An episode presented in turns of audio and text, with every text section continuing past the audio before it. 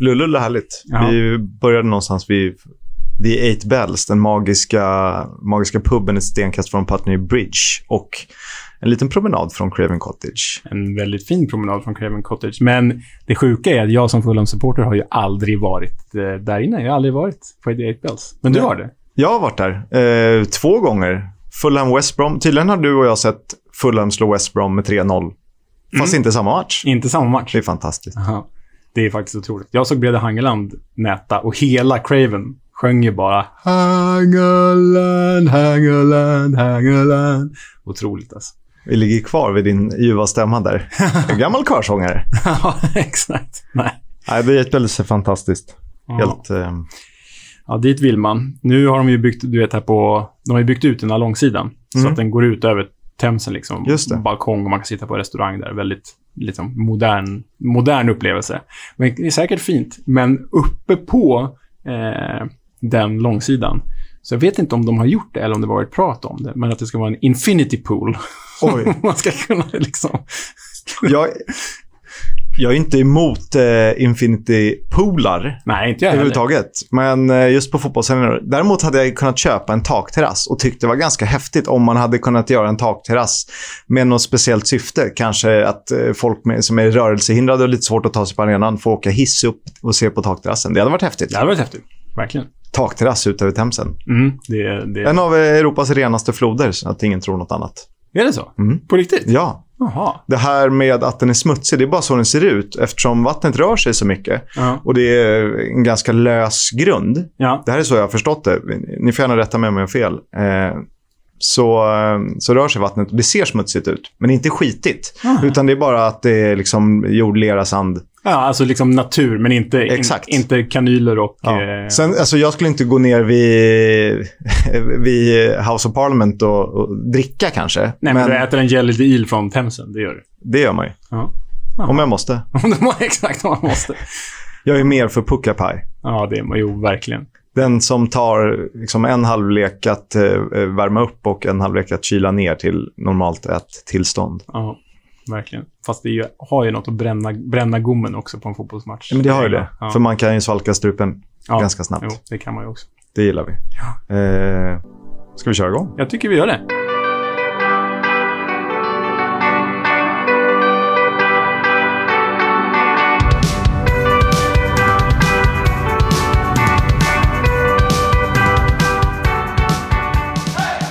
Det här är Footballs Coming Home, en podcast om Championship, League 1 och League 2 och kanske lite annat. Jag heter Oskar Kisk och med mig har jag. Leonard Jägerskiöld Welander. Kul att vi är tillbaka. Det här är ju det, blott det andra avsnittet egentligen, men vi har ju släppt en guide däremellan. Ja, men eh, precis. Så det är väl liksom det tredje avsnittet i raden, men det är officiellt andra avsnittet.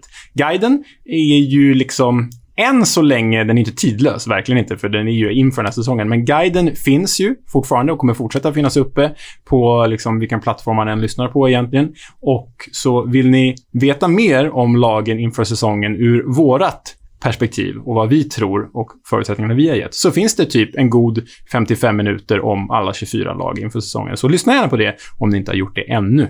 Ibland har vi rätt, ibland har vi fel. Det är precis så som det ska vara. Och eh, Jag vill passa på att tacka för all otrolig respons vi har fått. Vi förstod att det fanns ett intresse och vi, det, det fanns någon slags ett tom, tomrum i, i poddvärlden för de lägre ligorna, de finaste ligorna, den riktiga engelska fotbollen. Men att det skulle bli så populärt över några nätter, det trodde vi kanske inte riktigt än. Men eh, ni får gärna fortsätta lyssna, tycka, kommentera, säga något segment ni kanske vill få in. Framförallt får ni gärna betygsätta. Via podcaster gör man ju det. Eh, ni får betygsätta vad ni tycker helt enkelt. Ja, men verkligen så. Dels egentligen av två anledningar. Dels för att vi vill veta vad ni tycker.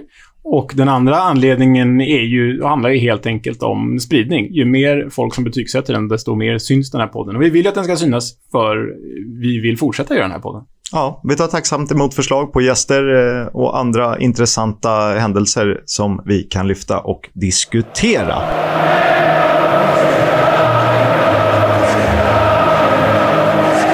Jag tycker att vi rör oss till eh, helgens omgång. Den börjar ju kännas lite mossig nu, sjuk nog, eftersom det har spelats matcher i veckan. Men vi vill ändå ta ner den lite. Vad, vad, vad var det störst för dig, Leo? Eller vad tyckte du stack ut? Ja, men, eh, störst för mig var ju förstås eh, Fulhams eh, 5-1-defilering borta mot eh, Huddersfield, eh, borta mot The Terriers. Jag tänker bara så, så att vi för, förtydligar för, för våra kära tittare, höll jag på att säga. Jag jobbar ju med TV normalt sett, men våra kära lyssnare.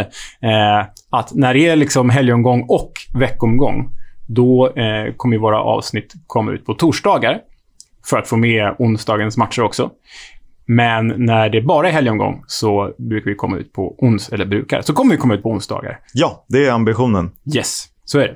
Men förlåt, vi ska återgå till helgomgången. Jo, men det som stod ut för mig förstås i mitt väldigt subjektiva svartvita hjärta, eh, det var ju att eh, Fulham fullständigt mosade The Terriers eh, borta i Yorkshire. Och det var ju inget snack om vilket lag som var bäst. Och, eh, skönt att... Rätt härlig situation där när Thomas eh, spelar hem till Schofield och bollen ser ut att vara ute över linjen både en och två gånger. Eh, men de lyckas hålla den i spel till stora missräkningen att eh, Alexander Mitrovic får bollen och ett öppet mål, även om han förvaltar det med viss... Eh, han har lite flyt med sig, men det ska man ju ha. Det är ju inte ett elegant mål, men, men Schofields, jag vet inte, passning slash rensning är ju... eh, Den är ju klappusel. Men jag vill nästan börja på mittplan. Släpp ut bollen. Ah, ja. Hur svårt ska det vara? Det är ett inkast på mittplan. Inte ja. ens Rory Delap hade kunnat skapa en eh, farlig chans av det där. Nej, och sen när Mitrovic liksom... Jag vet inte om ni kommer ihåg, det var Micke Nilssons landslagsdebut i svenska A-landslaget, tror jag. Han gör ju ett mål borta mot Tjeckien. Och det är ju att typ målvakten bara skjuter en panikrensning rätt i ryggen på Micke Nilsson och så går den in i mål. Det här var ju typ så, fast mycket mindre farlig situation och i mycket långsammare tempo. Och Mitrovic är ju medveten om vad han gör, men han är ju allt annat än graciös. Han lägger sig som någon slags vattenbuffel för att liksom täcka in bollen i Ja, det är mål. en reflex bara. Jag siktar mot mål på något Ja. sätt. Micke Nilsson för övrigt, min referens och värdemätare när det kom till min egna fotbollskarriär som inte var någon större framgång på någon nivå egentligen. Nej, jag var helt okej, men eh, han var väl 20 när han stack från division 6 till allsvenskan. Ja, ja. Jag tror att HBK köpte honom när han var 20 år. Så att Ja. jag tänkte att eh, till jag är 20 har jag fortfarande chansen. Nu är jag 34 och jag har inte chansen längre. Nej, den, den är nog dessvärre förbi. Vi, vi får alla förlika oss med... Men jag älskar fotboll mer nu än då. Ja, ja, men det är ju förhoppningsvis Micke Nilsson också med alla sina hundar i Grekland. Slakt från Fulham, från Mitrovic till Viktor Gyökeres som missade straff i helgen. Han var ju tillbaka i protokollet i veckan igen. Eh, vi återkommer till det alldeles strax. Ja, det var ju... De, Coventry förlorade mot Barnsley snöpligt. Det var ju bara en uddamålsförlust. Hade han satt den så, så eh, straffen på övertid där så, så hade det ju varit kvitterat och en poäng. Men som svensk känner jag mig inte så olycklig över det ändå. För det Gyökeres har visat här på de här tre första omgångarna är ju två mål, inklusive veckomgången som var, och att han får förtroendet att lägga straffar i Coventry. Det är säger ändå någonting. Han har värvats för att spela från start. Det är ju en helt annan säsong han går till mötes än förra året. Och tror man eh, supportrar till Coventry så eh, var det lite... Det, var, det rycktes på ögonbryn, det rynkades pannor när han fick slå straffen. Eh, För att det finns andra alternativ i rangordningen som borde ha kunnat slå den. Men det är lätt att säga när man har missat en straff. Annars hade han gjort tre mål på tre matcher och varit i någon slags skytteligatopp. Ja, men, eh, men som sagt, han eh, räddar ju upp det sen genom att göra mål i, i veckan. Så går Gyökeres bra, mår vi bra.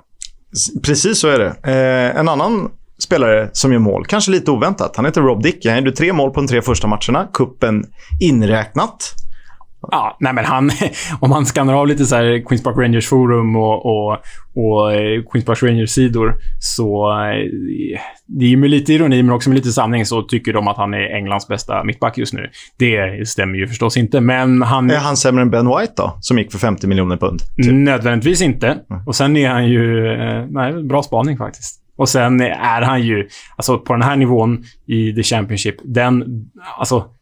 Den framåtandan som han har och tillåts ha är ju ganska ovanlig i The Championship skulle jag säga för, för en mittback. Och det är kul att se, likt en Andreas Granqvist i Schroningen för 13 år sedan, eh, Rob Dickey vandra upp i plan. Det gillar man ju. Eh, Det gillar man. Eh, Efter de två första omgångarna så hade han faktiskt högst betyg om man går från olika, på olika statistiksajters inhämtning. Eh, Så att han var bäst efter två omgångar. Det, sånt förändras ju också. Ja, och på tal om två omgångar så kan man väl säga att det är ju kul att den här ligan verkligen lever igen. För efter helgens matcher så hade inte ett enda lag full pott. Nej. Det Och gillar- efter den här eh, omgången som vi ska komma in på strax så är det väl sex lag som ligger på sju poäng. Ja, det är ju otrolig start alltså. Au. Oh, det kittlar till redan nu. Jaha. Men eh, en annan grej som vi tar med oss från helgen, innan vi kliver in på eh, tisdagens och onsdagens matcher, det är ju att Wimbledon...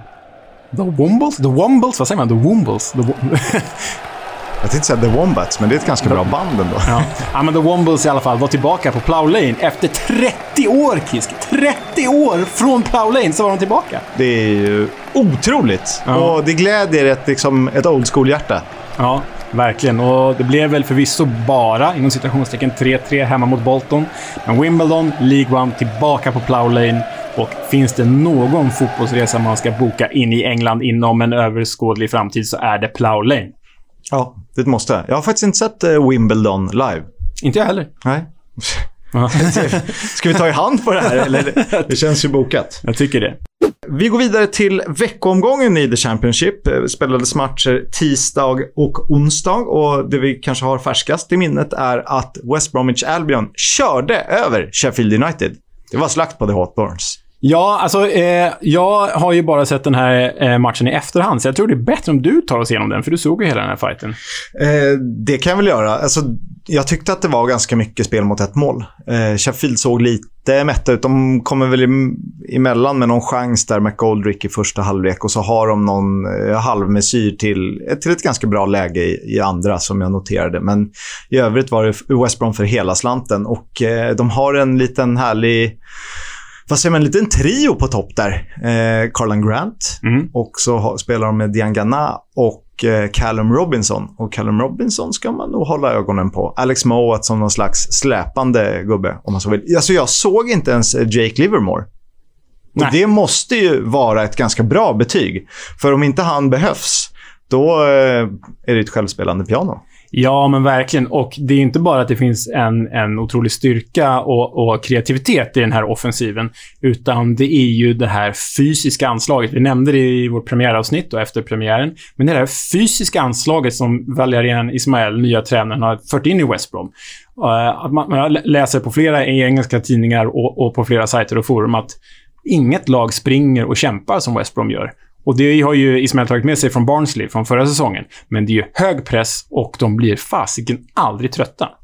Det måste vara jobbigt att möta den eh, anfallstrion jag pratade om. Eh, för det är ju i, min värld ganska kvicka spelare som eh, också orkar ta den här pressen i 90 minuter. Och det kan, eh, det kan bära rätt långt. De var ju högt i vårt tips. Vi kommer väl få revidera det eftersom vi hade Sheffield som delad, Sheffield United som någon slags sammanslagen etta. Jag hade Fulham som etta, vill jag bara poängtera här och nu. Jag hade Sheffield som etta, så det är väl jag som får ta den. ta det fallet. Noll mål på tre matcher för The Blades. De har gjort noll mål. Det, det, det, måste ju smärta en normalt sett väldigt offensivt präglad tränare som Slavisa Jokanovic. Mm. Eller hur? Och då har de ändå... Eh, de har fem anfallare i truppen. Eh, med Mosetto, McGoldrick och eh, Brewster och vilka som är där. Men gjort noll mål. Jämför man med Derby som har en frisk anfallare. De har ändå gjort tre mål. Vem då? Wayne Rooney eller? Precis. Nej, men det ser ju mörkt ut för eh, The Blades. Det har ju bara gått 3 av 46 matcher. Men jag undrar om det är någon slags eh, taktikkulturkrock som pågår på Bramble Lane. Där Jokanovic kommer in och vill säkert, vill förstås implementera sin ganska offensiva prägel, sätta sin offensiva prägel på laget. Men det är ju en trupp som är van vid någonting helt annat de senaste säsongerna. Och nu ser de ut att tappa kanske sin viktigaste spelare, eller sin kanske viktigaste spelare, Aaron Ramsdale till Arsenal. Nu är det på igen. Av, på, på, av. Ja, och eh, det kan ju mycket väl vara så att ni lyssnar på det här avsnittet att det redan har hänt. Eh, Ramsdale till Arsenal eh, tycker väl själv att han kanske inte riktigt mäktar med den nivån. Men det pratas ju ändå om bra pengar för Sheffield, för The Blades och eh, det ryktas faktiskt om en svensk ersättare. Robin Olsen har det skrivits hyfsat trovärdiga uppgifter. Eh, vi får väl se hur det blir med det. Mm. Han är ju en, en mästerskapsmålvakt i alla fall. Det vet vi. Ja, det är frågan om det hjälper i... Kanske ett Championship Playoff. Så kanske hjälper. Nej, kanske han är som gjuten. Men då ska man ju ta sig dit. Då ska man ta de poängen. Eh, Ja. Mer i veckan då? Fulham fortsatte att se rätt bra ut. Ja, nej men. Match, jag skulle säga, trots att man slog Huddersfield med 5-1, så var ju det här ett helt annat motstånd. Och man, Fulham var ju överlägset i det här London-derbyt mot Millwall. De spelade ju ut Millwall i, jag skulle säga, 81 minuter. hade ju 2-0 efter 10 minuter, varav 18-årige egna produkten som jag kommer tala mig otroligt varm om under den här säsongen. Fabio Carvalho. Eh, spelade fram till Mitrovic och sen gjorde han andra själv och var ju planens gigant. Liten, tunn kille på det offensiva mittfältet, men han var ju störst och, och starkast av alla. Sanslös spelare här. Och vem spelade fram till andra målet? Eller till hans mål? Måste jag tänka. Det tar jag inte på uppstuds. Vem, vem var det? Var det inte vår vän Neskens? Jo, jo! Neskens Kebano. Denna kongolesiske landslagsman. Som är döpt efter? Johan Neskens. Det gillar vi. Jag gillar ja. när det dyker upp. Nu är det här rättstavat, men ibland kan man hitta runt om i världen spelare som är döpta efter ikoner och legendarer och stora fotbollsspelare. Och så är det felstavat. Eller medveten liksom... Ja. Ja, men verkligen så. Han har en väldigt avig inställning som Fulham-supporter till Neskans Kebano. Han har så otrolig höjd i sig, som i den här matchen. Han var ju fenomenal. Utmanar, utmanar, utmanar, skapar chanser, passar, skjuter.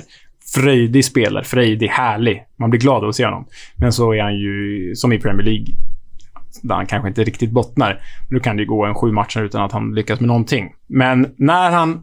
Det finns ju också någonting i det, de här ojämna yttrarna. Och det, det är precis vad han är. Och Då är väl Championship helt rätt plats. Ja, verkligen. Men eh, det blev lite skakigt på slutet för Fulham. Eh, Millwall lyckades ju stånga in ett mål genom Benik Afobi. Och så blev, började de lyfta långt och Fulham mådde ju riktigt dåligt då. Så jag var lite orolig, orolig för att det skulle bli ett Millsbro-kryss igen. Men eh, nej, det ser ändå bra ut. Mm att diskutera från Millwall-lägret?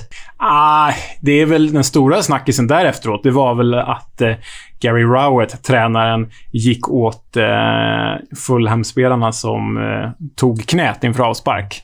Ni vet, ni som hur ni nu skulle kunna missat det, men i fotbollsvärlden så är det väldigt många lag och eh, spelare som är progressiva och sätter sig ner på, på knät för att ta ställning för Black Lives Matter. Och, och, och allas lika värde egentligen. Ja, egentligen. Det har ju, det, det har ju blivit något mer än, än BLM. Det är allas lika värde det handlar om. Men Gary Rowett eh, tycker ju då, för, för de spelarna blir utbuade av Millwall-publiken när de gjorde detta. Och då tycker Gary Rowett att fotbollen måste fokusera på annat än det här som faktiskt delar fotbollen tyckte Gary Rowett. Och, då blev det och sa han inte någonting om att det fanns andra sätt att göra det, utan att kommentera vilka andra sätt det fanns att ja, göra lite, lite, så. Så han har ju fått eh, eh, ganska mycket slit och släng och kritik efter det uttalandet. Eh, Vilket man kan förstå. Ja, absolut. Vi traskar vidare. Middlesbrough QPR är intressant. Vår vän eh, Neil Warnock. Ja, eh, jag tycker den här matchen säger liksom två saker. Det ena är att eh, vi kanske övervärderat Millsbro lite grann. Men framförallt att QPR lever upp till hypen. Att vara en man mindre. Moses Odubayo blev utvisad i 50 minuten ungefär. Eh, vara en man mindre och ändå göra tre mål eh, eh, på Riverside Stadium. Och, och komma därifrån med tre poäng. Det är ju fem raka bortasegrar har han nu i liksom alla tävlingar, inkluderade QPR. Det är ju ruskigt starkt. Chris Willock, brorsa till Joe Willock, såg ju fenomenal ut. Så mm, QPR de, de är vassa. Vi pratade om några lag som potentiella underdogs, även om vi höll dem ganska lågt. Luton var ju ett av dem, ja. eh, som man får se som en liten uppstickare. De eh, levererar resultat. Eh, Hall pratade vi om, eh, delvis felaktigt kan vi konstatera så här tidigt in på säsongen. Och QPR var väl det tredje. Jag kommer inte ihåg om vi hade några fler. Jag tror att vi nämnde dem som att liksom, det finns ändå någon, någon höjd ja, ja. här. Ja, ja, verkligen. Men det är, mycket, det är saker som ska stämma. Ja, nej, men så, som de har spelat. Jag, jag har ju sett två av deras tre matcher nu och, och, det är ju en dark horse som lever upp till epitetet dark horse. Flytande fotboll, snabbt tempo, många kreativa spelare här. Liksom inte bara Chris Willock och, och men det är Elias Cher och, som är fel uttalat. Men skitsamma. Elias, Elias Shair skulle jag vilja säga. Ja, som du tänkte på det. Ja. Det känns lite nordafrikanskt. Ja, han är ju precis vad han är också. Så ja. Elias Shair ska vi nog säga. Eh, och, och sen, sen har de ju spelare med ett av ligans vackraste namn. Lyndon Dykes. Lyndon jag tycker det är ett otroligt snyggt namn. Ja, men det ligger bra i munnen. Skotsk landslagsanfallare mål igen i Charlie Austins absens. Han är ju skadad. Mm, han blev inbytt i veckan. Just det. Han kom in efter, med 20-30 eh, minuter kvar eller sådär. Så på väg tillbaka. Och det är ju en injektion spelmässigt. Ja, men QPR skulle jag säga är roligast hittills av de gäng jag har sett.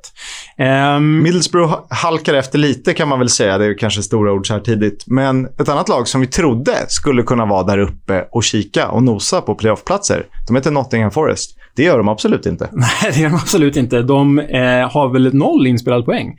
Eh, Stämmer. Det är bara två lag som har det. Ja, exakt. Så det är två ganska tunga pjäser eh, i, i Forest.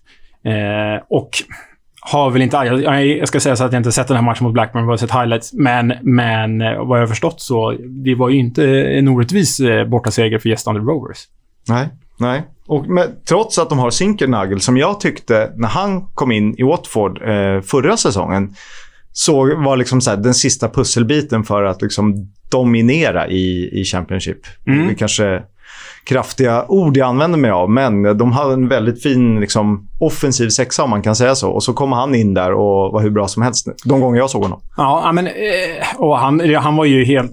Zinkernagli är en av alla de här pjäserna som var ju utomordentligt, nästan overkligt bra i norska ligan med Bodø Glimt. Han, han var ju mängder med mål assist och en av alla de här spelarna som har lämnat för massa miljoner från Bodö. Men, men det är ju inte bara Zinkernagel. De har ju alla de här väldigt rutinerade men också trötta spelarna vi varit inne på tidigare. Jag tycker ändå att det är lite trötta namn, men det borde ändå borga för mer än noll poäng i Louis Grabben och Jack Colback och alla de gubbarna. Um... Det var väl det här vi pratade om, eller jag tror att det var jag som pratade om det segmentet som någon reagerade på, att jag kallade det spännande eller intressant. Och det var väl kanske mer Spelarna i sig är väl inte spännande nu när de närmar sig 30-strecket eller pass har passerat det. Men det är spännande att se om man kan få ut max av de spelarna på den här nivån. Vilket jag ändå tycker att man borde kunna göra. Ja, och eh, jag gillar ju den sympatiske tränaren Chris Hewton. Jag såg eh, hans intervju här efter matchen.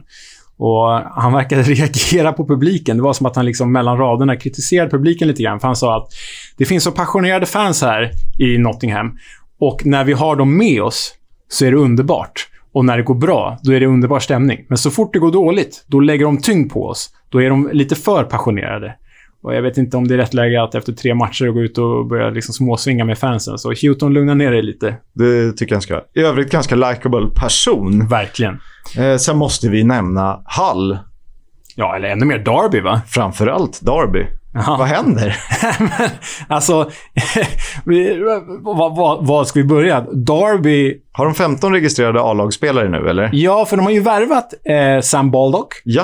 Eh, med lite rutin från Premier League, va? Eller hur? Ja, det har han väl ändå. Ja. Sam Baldock, denna 32-åriga anfallare som förra säsongen gjorde noll mål på 23 matcher i The Championship. så det är ingen Man vill ju tro att en, en själv hade kunnat peta in en boll på någon retur eller få ett skott på handen eller liknande. ja, exakt. Och så har de värvat Phil Jagielka eh, eh, in, inför den här veckomatchen. Båda två kliver direkt in från start, vilket säger väldigt mycket om, om Darbys om Darby, prekära läge. Och så vinner de 1-0 borta mot Hull och Sam Baldock gör mål. Ett Hull som vann sin premiärmatch med 4-1. Ja, men ett Hull ska ju sägas också väldigt skadedrabbat nu. George Honeyman borta var, Malik Wilkes skadad. Eh, Tom Huddleston fick ju hoppa in och återdebutera för sin... Det, kan vi stanna där bara? Det är jättefint. Han har eh, tre år i Derby, hade mm. han. Och sen hade, tog han ett sabbatsår från fotbollen. Han, han var väl nästan tvingad till det, tror jag. Men... Ja, han la ju aldrig riktigt av, men Nej. ändå. Och nu är han tillbaka för Hall på ett ettårskontrakt med möjlighet till förlängning. Ja, men det här är väl liksom, sett till dig och mig, i den här ligan just nu, topp tre favoritspelare på, hos bägge två. Det är det. det, är ja. det. Eller jag skulle nog säga topp ett favoritspelare som vi båda kan enas om. ja, men ja, verkligen så. Och det tillslaget, med båda fötter ska tilläggas. Ja, Ja, men, och, och så är lite långsam och lite lång och så här. Ja, han är ja, otroligt älskvärd spelare. Det fanns en tid när han och Luka Modric bildade mittfälts Dynamo-duo i Tottenham. Det var inga dåliga tider. Nej, det var inga dåliga. Det var... Tycker till och med en Fulham-supporter som jag. Men, men eh, Derby, hatten av Wayne Rooney. Du har ingenting att jobba med förutom eh, knarriga gratisspelare och eh, du tar ändå tre poäng. Så, så länge...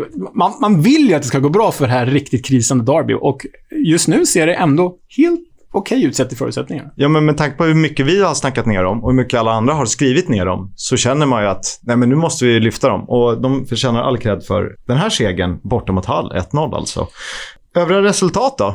Mm. Stoke mosade ju Swansea borta 3-1. Stoke, ett av de här lagen på sju poäng. Ser ju bra ut. Nick Power mål igen. Peterborough Cardiff 2-2. Huddersfield Preston 1-0. Reading Bristol City 2-3. Birmingham Bournemouth 0-2. Där kan man väl säga att Bournemouth lever upp till förväntningarna. De ser ju jäkligt fräscha ut. Ja, trots att de tappat en nyckelspelare som vi få lov att återkomma till. Ja. Eh, Barnsley-Luton. Ditt eh, Luton. Amari Bell avgjorde. Hatters! 1-0. Och sen eh, Viktor Gyökeres matchhjälte för Coventry mot Blackpool som ser hiskeligt dålig ut. Blackpool. Det var omgången och omgångarna som eh, precis har spelats. Omgång två och tre alltså. Mm. Ska vi ta oss över på nyhetssegmentet? Have you not been watching? I haven't. Ja, det har ju hänt eh, som alltid i Champion- Championship och i ligorna därunder eh, händer det ganska mycket. Vi kan eh, bland annat meddela att eh, svenskbekantingen Jamie Hopcutt är klar för League 2-laget Oldham. Klassiska Latix. Ja, väldigt klassiska Latics. Paul Scholes tränade dem för bara något år sedan. Eh, också totaljumbo i League 2, får man väl säga. Men eh, Jamie Hopcutt med bakgrund i Östersund spelade ju debuten, skadades därefter. Men det är lite speciellt med honom, eller hur? Det kan man Kring säga. Lite nationaliteter och sådär. Han blev skadad efter typ 52 minuter och blir nu borta sex veckor enligt väldigt, väldigt säkra källor. Så om ni undrade så är det sex veckor han blir borta. Eh, han är ju faktiskt sedan typ 2018 både svensk och engelsk medborgare. Han är ju född i England och uppvuxen där. Och Sen eh, testade han vingarna i Sverige och blev en eh, rätt eh, duglig spelare för Östersund. Jag trodde kanske att han hade lite högre nivå i sig när han väl var där. Jag såg någonting, men kom inte riktigt fram och sen hamnade han i GIF Sundsvall. Och nu är han alltså i Oldham. Han är svensk och engelsk medborgare, vilket möjliggjorde den här övergången. Ja, för det är ju lite speciellt eh, sen, sen engelsmännen, sen Storbritannien lämnade EU i det ack så famösa, eller infamösa kanske vi ska säga, eh, Brexit. För det har ju inte bara ställt till det för oss som kanske vill beställa hem lite tröjor från diverse engelska eh, fotbollsklubbar, utan det har ju också ställt till det för spelare med eh, Ja, men utom storbritanniskt eh, påbrå, eller hur? Ja, eh, jag har ju förberett en liten genomgång av det här eh, efter att ha läst alla relevanta papper och dokument. Vi ska hålla det så kort som möjligt, så somna inte under det här. Men det här är ganska viktigt för att det här handlar om hur brittiska klubbar kan värva spelare som inte är från Storbritannien.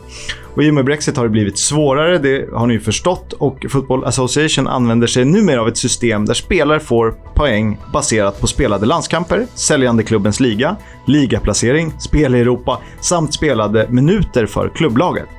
Om spelaren når upp i rätt nivå, vilket är 15 poäng, har man möjlighet att söka arbetstillstånd.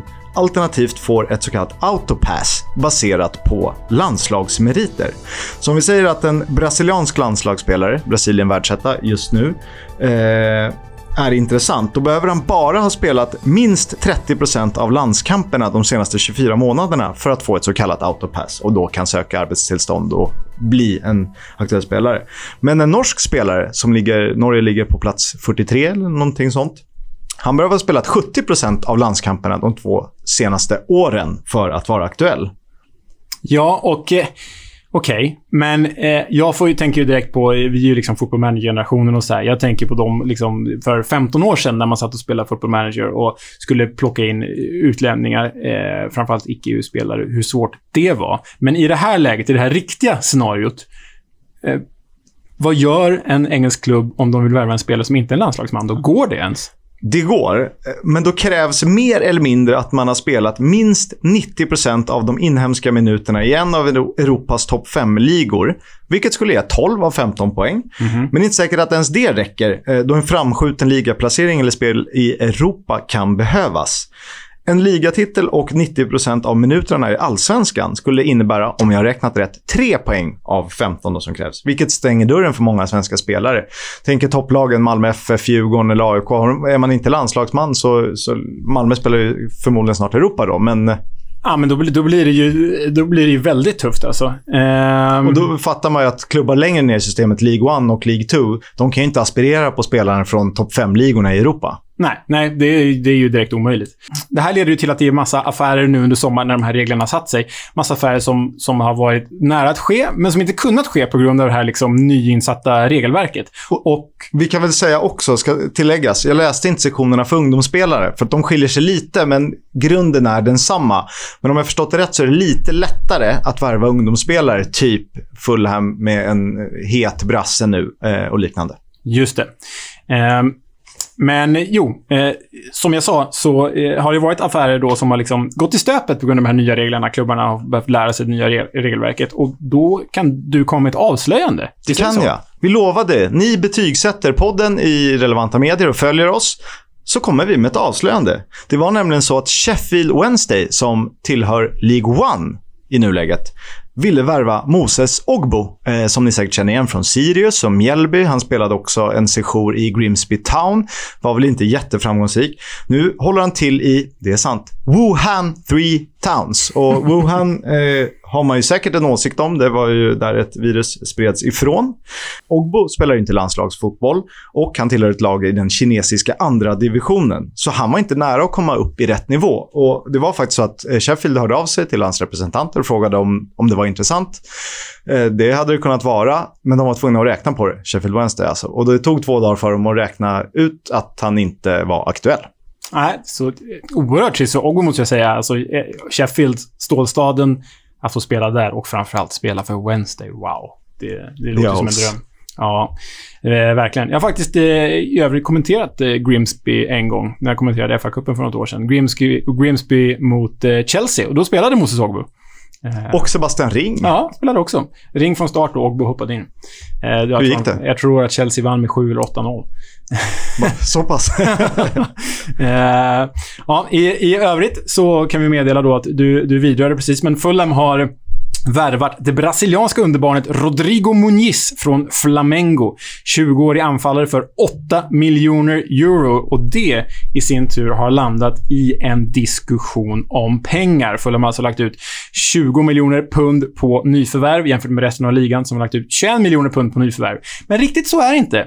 För Harry Wilson, som utgör 12 miljoner av de här 20 miljonerna, han är bara ett lån och de är liksom obliged to, de, de är obligerade att betala de 12 miljonerna nästa säsong. Så Fulham gör en Juventus eller en PSG och kringgår regelverket lite grann. Jag går inte riktigt igång på eh, 48 månaders lånen som också figurerar i, i Nej. av Europa. Nej, det känns inte riktigt Det är allt för att kringgå regler och då är reglerna ganska dåligt utformade om vi ska ha det på det sättet. Verkligen. Ja, på värvningsfronten. En av ligans bästa spelare, Arnaut Danjuma, försvinner från Bournemouth. Och det var ju bland annat den, den vitala kuggen i mitt fantasybygge. Eh, han sticker. Eh, den, första, den innan var Matteus Pereira. Han har ju också stuckit från. West Brom. Eh, han gjorde 17 plus 7 förra säsongen. Eh, han sticker till Villarreal för ungefär 20 miljoner pund, vilket är väldigt mycket. Och eh, det en delad första plats i Villarreals transferliga någonsin. Jag tror aldrig att de tog in Paco Alcacer. Han kostade ungefär lika mycket. Just Så jag det. tror att de delar första platsen där. Det säger rätt mycket om hur bra han är. Ja, dels hur bra han är och hur mycket pengar en nyligen nedflyttad klubb från Premier League faktiskt kan kräva och har att röra sig med. De kan sätta krav, högre krav än andra lag lite lägre ner i hierarkin. Men vi tror väl ändå att Bournemouth klarar sig ganska bra. Mm, det vi tror det. Det Mm. känns som att ersättaren finns i truppen och så får vi se om det finns någon hidden gem de kan plocka. Kanske inte utrikesfödd då. Nej, precis. Sist i nyhetssegmentet så eh, kommer vi inte ifrån att nämna walesiska Hollywood. Ja, men det måste vi göra. Jag säger Europas Hollywood. Det är inte English Football League det här, utan det är väl National League. Där eh, Ryan Reynolds och Rob McElhenney köpte Wrexham i november 2020. Eh, och de kallas nu med Europas Hollywood. Varför undrar ni? Jo, man har satt upp skyltar på en kulle in till staden där det står Wrexham. Och det är precis, man har väl snott typsnittet rakt av från den berömda och klassiska Hollywood-skylten som ingen inte har sett. Eh, exakt. Och eh, anledningen till att man gör det här då, det är att, för de som inte vet det, Ryan Reynolds och Rob McElhenney, eller hur man uttalar det, eh, är ju två Hollywood-skådespelare. Ryan Reynolds kanske framförallt idag mest känd som Deadpool. Och eh, Rob McElhenney är ju eh, känd från serien It's Always Sunny in Philadelphia. Och för er som inte har sett den och som har väldigt svart humor kan jag meddela att ni borde se den. Jag skrattar så att jag gråter varje gång. Men eh, de har ju liksom, de ska göra en, eh, vad heter de, de ska göra någon slags här eh, fotbollsdokumentärserie om, Sunderland till I die-ish. Ja. Det är väl det närmsta. exakt, med, med lite amerikansk hand då, eh, för de är ju jänkare. Eh, och det är ju därför de sätter upp den här eh, Hollywood-skylten. Då. Men de har ju också skojat till det på sociala medier. De lägger ju upp eh, roliga klipp och videos och sådär, där de driver lite med sig själva och kring hela det här projektet.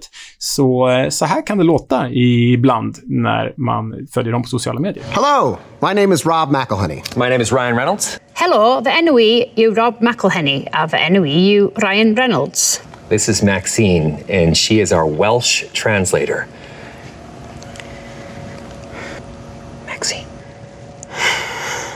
Dyma Maxine, ein cyfieithydd Cymraeg. Uh, our new show on FX is called Welcome to Wrexham, a docu-series centered in Wrexham, a working class town in North Wales in the United Kingdom. And earlier this year, we became owners of the football club in Wrexham, and we thought it was only appropriate for our Welsh fans to have a translator. So. Mae'r un tala ten yn actio mewn ffilmiau a mae'r un hefo'r cyhyran werthu caws o Philadelphia neu rhywbeth. Did she say Philadelphia? Because I didn't say Philadelphia. Oh no, I mean it's Welsh. It is Welsh, Rob. it's probably just sounded like Philadelphia. Maxine, how do you say Philadelphia in Welsh? Philadelphia. Vi är framme vid segmentet som kanske inte riktigt har något namn, men eh, som vi ägnar mest tid åt och det som är kanske viktigast för oss, att vi får ta reda på och berätta om klubbar, profiler, spelare, tränare. Eh, men vi börjar med klubbar, precis som sist. Jag berättade om Cardiff City. Jag hoppas ni fick med er någonting. Lite roligt därifrån. Nu har det blivit Leos tur och det är ju ett lag vi båda har ett gott öga till och eh, varsågod.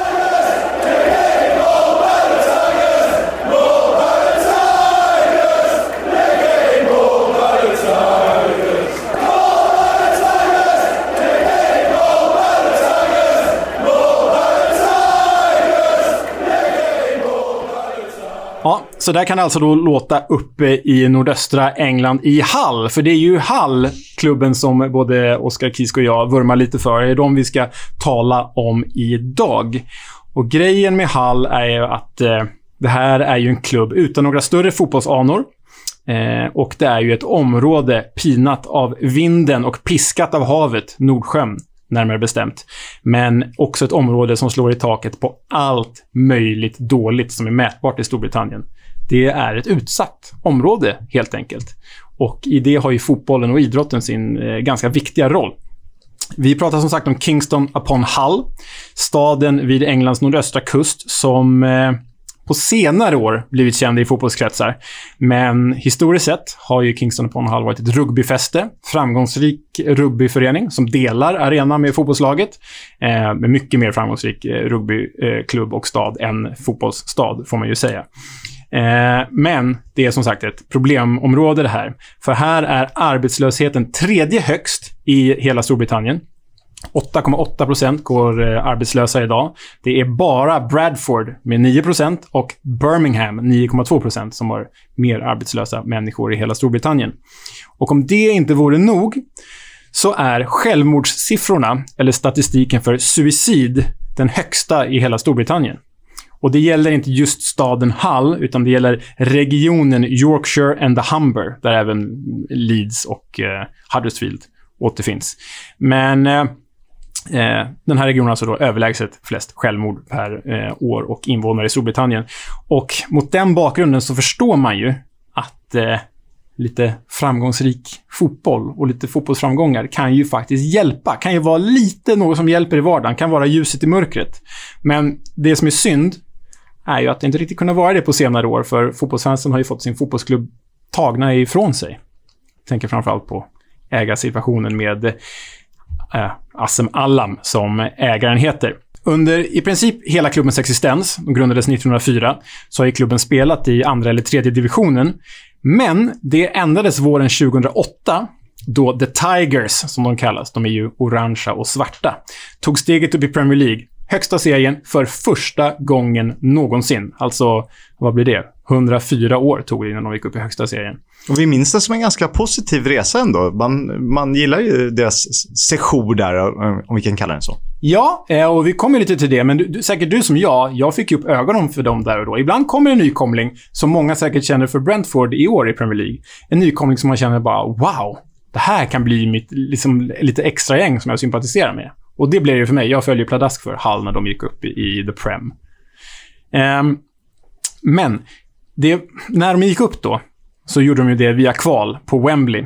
De slog Bristol City med 1-0. Det var inte helt osymboliskt, för det var nämligen hemmasonen, spelaren som var lika härjad som staden han kom ifrån, hade ju mängder med alkoholproblem bland annat. Mannen med namnet, Dean Windass, som sköt upp sin hemmaklubb till Premier League när han avgjorde då på Wembley. It's Nick Barnby. Windass to his right, Campbell to his left. Hull City's top scorer, Fraser Campbell. A slip by Lewis Carey.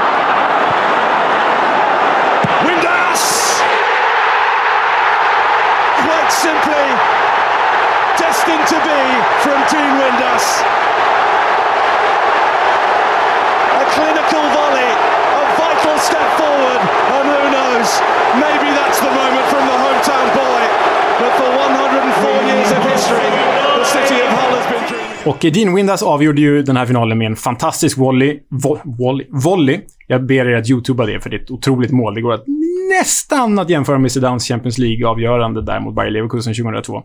Mm. Och i den här eh, kvalfinalstruppen så fanns det ju många profiler. Det fanns JJ Okocha, den stora artisten. Det fanns ju engelsk landslagsman som Nick Barnby och det fanns en blivande engelsk landslagsman i Fraser Campbell. Men om vi kliver ur eh, kvalfinalen bara lite grann sådär tillfälligt, så har jag en fråga till dig här och till våra lyssnare. Kan du säga fem spelare som har spelat i Hull och i ditt Tottenham? Ja, det kan jag ju. Michael Dawson är viktigast att nämna. På given andra plats är ju Tom Huddlestone. Och sen smyger in Jake Livermore som trea. Nick Barnby Nu uppe på fyra. Började väl sin karriär i Tottenham. Och Fraser Campbell var på lån i Tottenham. Eftersom att Dimitar Berbatov gick i andra riktningen, till Manchester United då alltså. Ja, men snyggt. Du klarar fem så fort. Du kan ditt Tottenham bra. Jag säger en bonusfråga då. Kan du en sjätte? Det kan jag säkert. Jag måste bara tänka. Ja, men det kan jag ju. Varför tog det sån tid? Det är ju pinsamt. Jag avgår. Men Ryan Mason. Ja! Snyggt! Ja, det här tog du ju full pott på. Jag har ju till, till och med en tröja med Ryan Mason när han spelade i nummer 38 i Tottenham. Kane har ju också nummer 37. Det är du. Ja, bra nummer. Den kan du få känna på. Ja, gärna. oh, ja. Halls första bekantskap med Premier League och omvärlden blev ju väldigt rolig, som eh, Oskar var inne på. Gamla Barca-brassen Giovanni. Vad känner du för honom? Fina minnen på något sätt. Det var fina tider då. Det var inte så överkommersialiserat. Det var väl när Elano Blommer sprang runt i Manchester City eh, som han pangade in någon jättebössa mot just City. Har jag något svagt minne av. Ja, bland annat City, men eh, även mot Arsenal. Giovanni satte ju eld på, på hela Premier League. Eh, och faktiskt en bit in på säsongen så var de ju delade serieledare, Hall. Turner hits it long in towards Kuzan. Breaks to Giovanni. Not a bad effort. What an effort. What a goal. Giovanni brings Hull back on level terms. Would you believe it? Men, eh, ja, deras eh, Fortuna, fru Fortuna log inte mot dem hela tiden. Det ändrades ganska snabbt efter att de var uppe på toppen och touchade där. För på, under hela våren 2009 så tog de bara en enda seger, höll sig kvar med andan i halsen och förskräckelse när de slutade på en 17 plats. Året därefter åker de ur och vi kommer väl mest ihåg dem för att tränare Phil Brown höll kvar laget i paus i mittcirkeln och skällde ut dem efter noter. Eh, efter en riktigt blek insats mot Manchester City. Året senare så kopierade Jimmy Bullard det här. Precis så jag tänkte på. Eh, det minns man ju med glädje. För då vann de ju mot City och Bullard, eller kryssade kanske, men Bullard gjorde mål mot City i alla fall och fi, firade på samma sätt som Brown hade skällt ut sitt lag. Dokusåpastjärnan Jimmy Bullard. Ja, exakt. I alla fall, vi ska komma in på den här ägarsituationen i Hall. 2010 tog lokala affärsmannen, engelska egyptiern Assem Allam över klubben med löftet om att betala tillbaka till samhället. Och till en början gick det bra. De gick ju tillbaka upp i Premier League. De fick spela fa Cup-final 2014 under Steve Bruce ledning. Ledde ju till och med den finalen mot Arsenal med 2-0. Eh, och eh, gick således ut i Europa också. Men, megalomaniska ägare och deras framgångar till trots, någon gång tar det stopp. Och för Halls del tog det stopp när Assem Allam dels bytte klubbmärke utan att rådfråga, rådfråga fansen Eh, de blev ju galna, eh, supportrarna. Men ännu värre var när han lämnade in en ansökan till DFA om ett namnbyte på klubben. Från Hull City AFC, som den heter, till Hull Tigers. Tigers är ju smeknamnet sedan typ 30-talet. Men, och har till och med stått i det gamla klubbmärket. Men man tar inte bort City ur en klubbs identitet. Asim Allam tyckte att City, det är så många klubbar som heter, det är ointressant, det står inte ut i mängden. Tigers, det står ut i mängden. Fansen blir galna. Protester på gatorna, eh, liksom, nej, upplopp i princip. Det var ju eh, strängt förbjudet att ens tänka tanken att göra så. Och FA, de skrattar ju bara. Vi kan inte byta namn på Hull City AFC till Hull Tigers. Det går inte. Så då kände sig Assem Allam motarbetad av både fans och DFA. Han var kränkt. Han var kränkt. Så idag är det alltså sju år sedan som eh, ägarfamiljen Allam sa att nu lämnar vi den här klubben inom tio timmar och säljer den och kommer aldrig mer tillbaka. Det har de inte gjort. De är kvar. Men de har liksom inte sålt klubben heller. Eh, så det är inte så mycket pengar som investeras och det är inte så mycket som händer. Så eh, därför eh, får man förlita sig istället på egna talanger som Keen Lewis Potter, till exempel. Trippelnamnet. Trippelnamnet. Det är det enda som får eh, molnen att skingra sig över Kingston upon Hull. Ja, men lite så. Och det är väl eh, det jag har att berätta om Hull. Superintressant. Eh, jag, om jag tänker på det här med Tigers. Mm. Jag tänker att eh, de var ju tigerrandiga ganska tidigt, till och med från start. Och har väl spelat i lite andra färger någon gång. Något missöde om jag har korrekt information. Men det är väl så enkelt att Tigers kom från orange och svartrandiga tröjor och blev smeknamnet. Ja, ja men precis. Och efter det har ju eh, tigern införlivats i, i klubbmärket också. Och så tog man bort namnet från klubbmärket och satte tillbaka och höll på. Ja, det, är det, det nuvarande klubbmärket har ju faktiskt fansen varit med och utformat. Så eh, det, det är de ju glada över i alla fall. Det har Leeds också, fast ändå inte. Nej, precis. Supertack för det där. Hull gillar vi. Michael Dawson, Tom Huddlestone, Jake Livermore för att nämna några. Du har ju till och med varit i Hull. Ja, jag har varit där 2014. Eh, såg dem spela mot ditt eh, kära Tottenham. Eh, och Jake Livermore gjorde mål för Hull. eh, men det var en speciell upplevelse, för vi kom i tåget från Liverpool, jag och mina kompisar. Och så klev vi av i tågstationen och som ett gäng dumma turister så gick vi till liksom närmsta, vad säger man, turistbyrå. Det var en, Turistinformation. Ja, men precis. Så. På tågstationen där. Och så frågar vi så här, Hello, we're, uh, we're here for the day. Ja, ja, uh, vi är här över dagen. Um, what shall we do when we're in Hull? Mm, den här kvinnan i kassan bara tittar på oss och bara... Do you know Humber Bridge? Nej, no we don't. You should go there. That's where everyone tops themselves. Där alla begår självmord alltså. Det var dit hon tyckte att vi skulle gå. På den här Det, det regniga dagen. brittiskt tragikomiskt på något sätt. Att man nämner det och att det är som det är. Ja, att det är som det är. Och staden var ju liksom, det var ju nedstängt och igenbommat typ överallt. Det som var öppet var en bingohall där vi drack lite pre-match bash liksom. Eh, och några pubbar. Sen var det faktiskt ganska fint i, i marinan ska sägas, men det, det är ett nedgånget ställe. Alltså. Det, det, och den här rugbyarenan ligger ju liksom lite utanför hjärtat av stan, så så det är inte jättepepp heller. KC Stadium, KCOM Stadium. Ja, ja men det är väl så den heter numera. Eh, en rolig grej som jag lade märke till där är att de har ju vita telefonkiosker i Hall. Eh, Varför då? Det är ytterst oklart. Det, det jag har förstått är att de är ensamma i Storbritannien om att ha vita telefonkiosker istället för röda. Eh, och det beror på att de har liksom fått eh, något eh, eget telefonnätsavtal. Jag förstod inte riktigt det där, men de har liksom inte samma linor inom citationstecken som resten av Storbritannien. Så då får de ha vita Så telefonkiosker företaget istället. som levererar eh, telefonnätet tycker att vitt passar bättre än rött. Ja, men ja, typ så. Åt det hållet. Ja, åt det hållet. Jag tar det för en, eh, en solklar sanning. Ja. Superkul med Hull City, AFC. Mm, de gillar vi.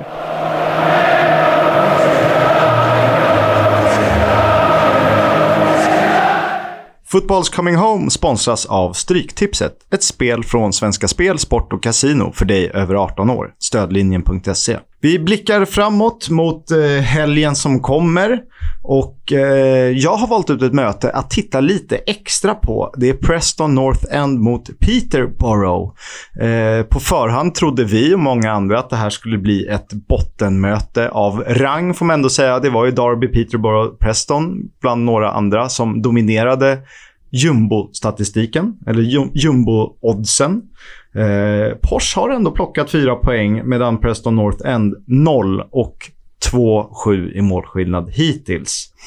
Burrows och Sirik Dembélé, eh, numera under smeknamnet Leos kille, leder Peter Burrow fram, framåt. Eh, Sirik Dembélé att hålla koll på i vår liga-guide där Leo pratade gott om honom.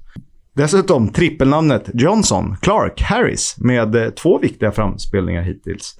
Och det är så att Porsche, Peterborough alltså, inte har borta besegrat Preston sedan 1996. Och det är jättelång tid. Men det beror också på att de inte alltid varit i samma divisioner. Så där har ni lite till den matchen. Ja, jag går på Peterborough-spåret här. En liten Ferguson-effekt kanske.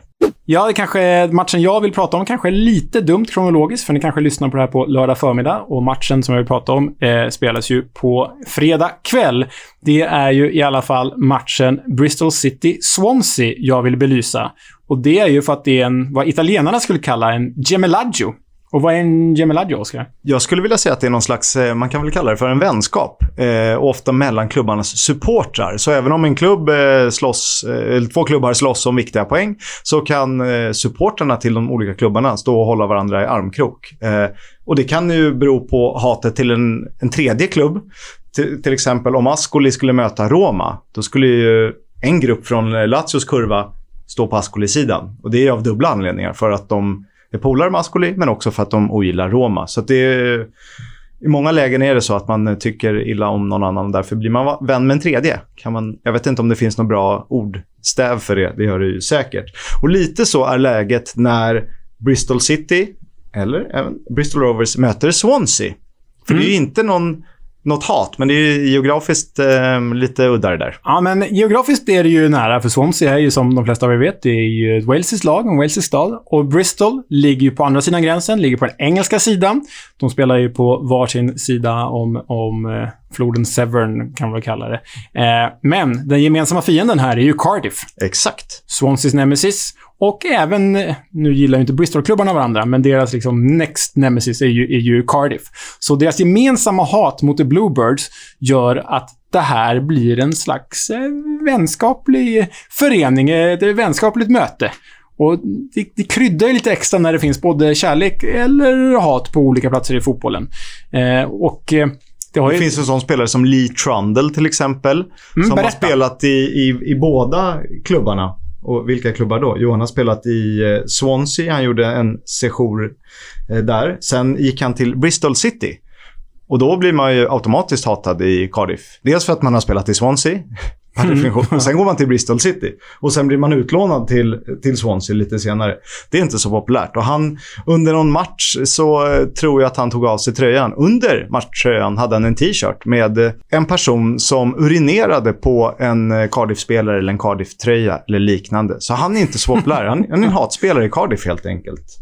Men de här, har ju, de här två klubbarna möts eller kommer överens i sitt hat mot Cardiff, så kan man säga. Ja, och eh, sen är det ju sportsligt kul också. Russell Martin försöker hitta rätt i Swansea och eh, eh, det ser ju faktiskt lite bättre ut i The Robins, Bristol City. Så mm, kan vara kul fredagsunderhållning. Nigel Pearson, Ja, detta praktexemplar. exakt. Och med det har det blivit dags för eh, favoritsegmentet. Veckans Warnock. Might not be your fault, eh? I'll just have to make sure it don't fucking happen again, because I fucking, I tell you now, I'm fucking more determined than ever. I'll look at you now. I'll have a chat with all of you next week. Before you start flying off to fucking Mallorca and all these other places, eh? We'll have a chat about the fucking game. About your game, last few months, last few weeks. Fucking character. Fucking hell. And I look at your contribution, some of you. No wonder he's thrown a fucking bottle at fucking floor, Tonga. Hey? It's waited fucking nine months for that. A bit of fucking aggression. Fucking hell. You blame everything. Blame me, blame fucking pitch, ref, system, tactics. You want to have a look at your fucking self, some you in fucking mirror. So please your fucking selves what you're doing next few days, alright?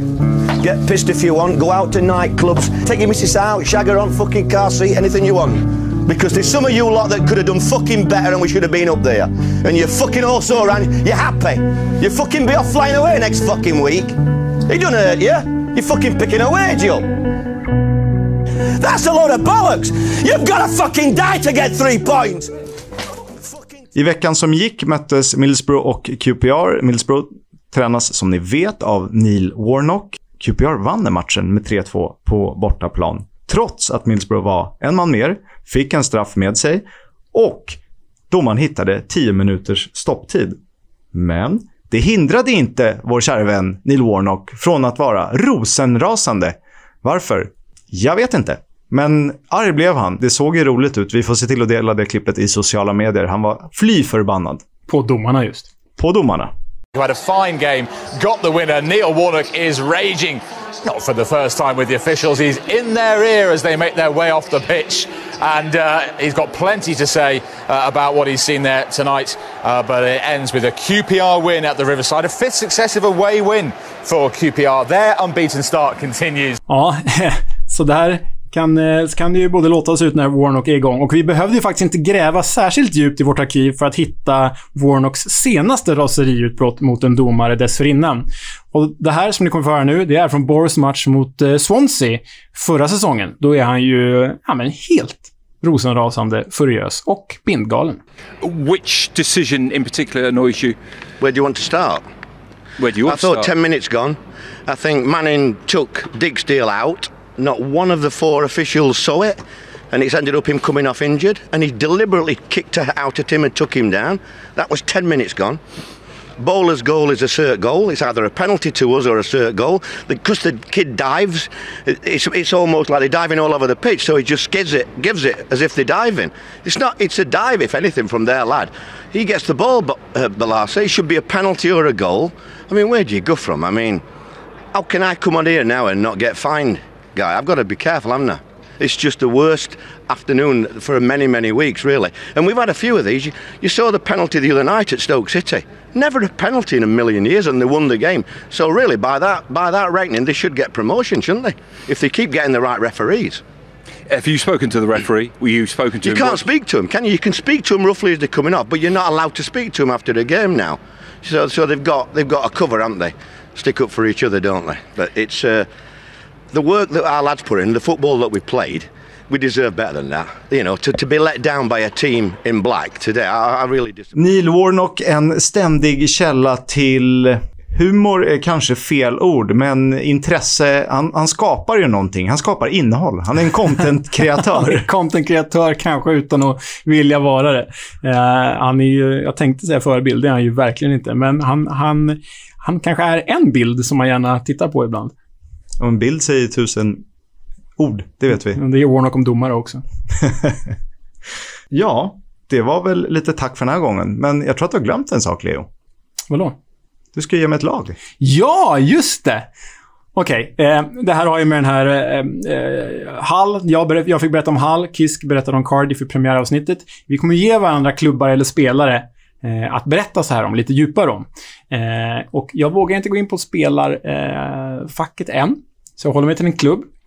Och jag tänkte att du ska ge oss, föga oväntat kanske, men Millwall. Med...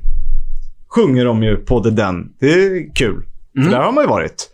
Ja, jag har ju blivit av en god vän guidad runt i South Bermondsey. En regnig tisdag i slutet av oktober, början av november. Millwall slog Doncaster med 3-2. Äh, Det är helt otroligt. Och de pubbarna och de originalen. Jag har aldrig känt mig så utstirrad som när vi tre svenska killar förvisso såg ut att passa in hyfsat i, i, i området. Men de såg ju att ni är inte härifrån. Vad i hela friden gör ni här? Eh, men de var ganska snälla till slut ändå. Och det var en, eh, blev en rolig kväll i regnet. Millwall alltså. Det Oj, vill, man höra, det vill man höra med om, känner jag direkt. det vill man höra mycket mer om. Vi kanske får ringa upp Mattias Ranega. Han har väl varit där och stökat. Ja, det har han ju verkligen varit. Det här var det andra avsnittet. Premiäravsnittet avklarat. Vi har ju vår ligaguide som ett eh, subavsnitt, får vi väl kalla det. En liten specialare. Så det andra riktiga avsnittet av Football's Coming Home. Tack så jättemycket för att ni lyssnar och sprider och betygsätter och eh, ger oss utrymme att förbättra eh, det vi nyss har påbörjat. Jag tänker att vi tackar Stryktipset så mycket för att ni är med oss och jag vill passa på att vi ska avsluta med Timo Räisänens fina nyinspelning av Vi ses på lördag. En son blickar upp och ser sin far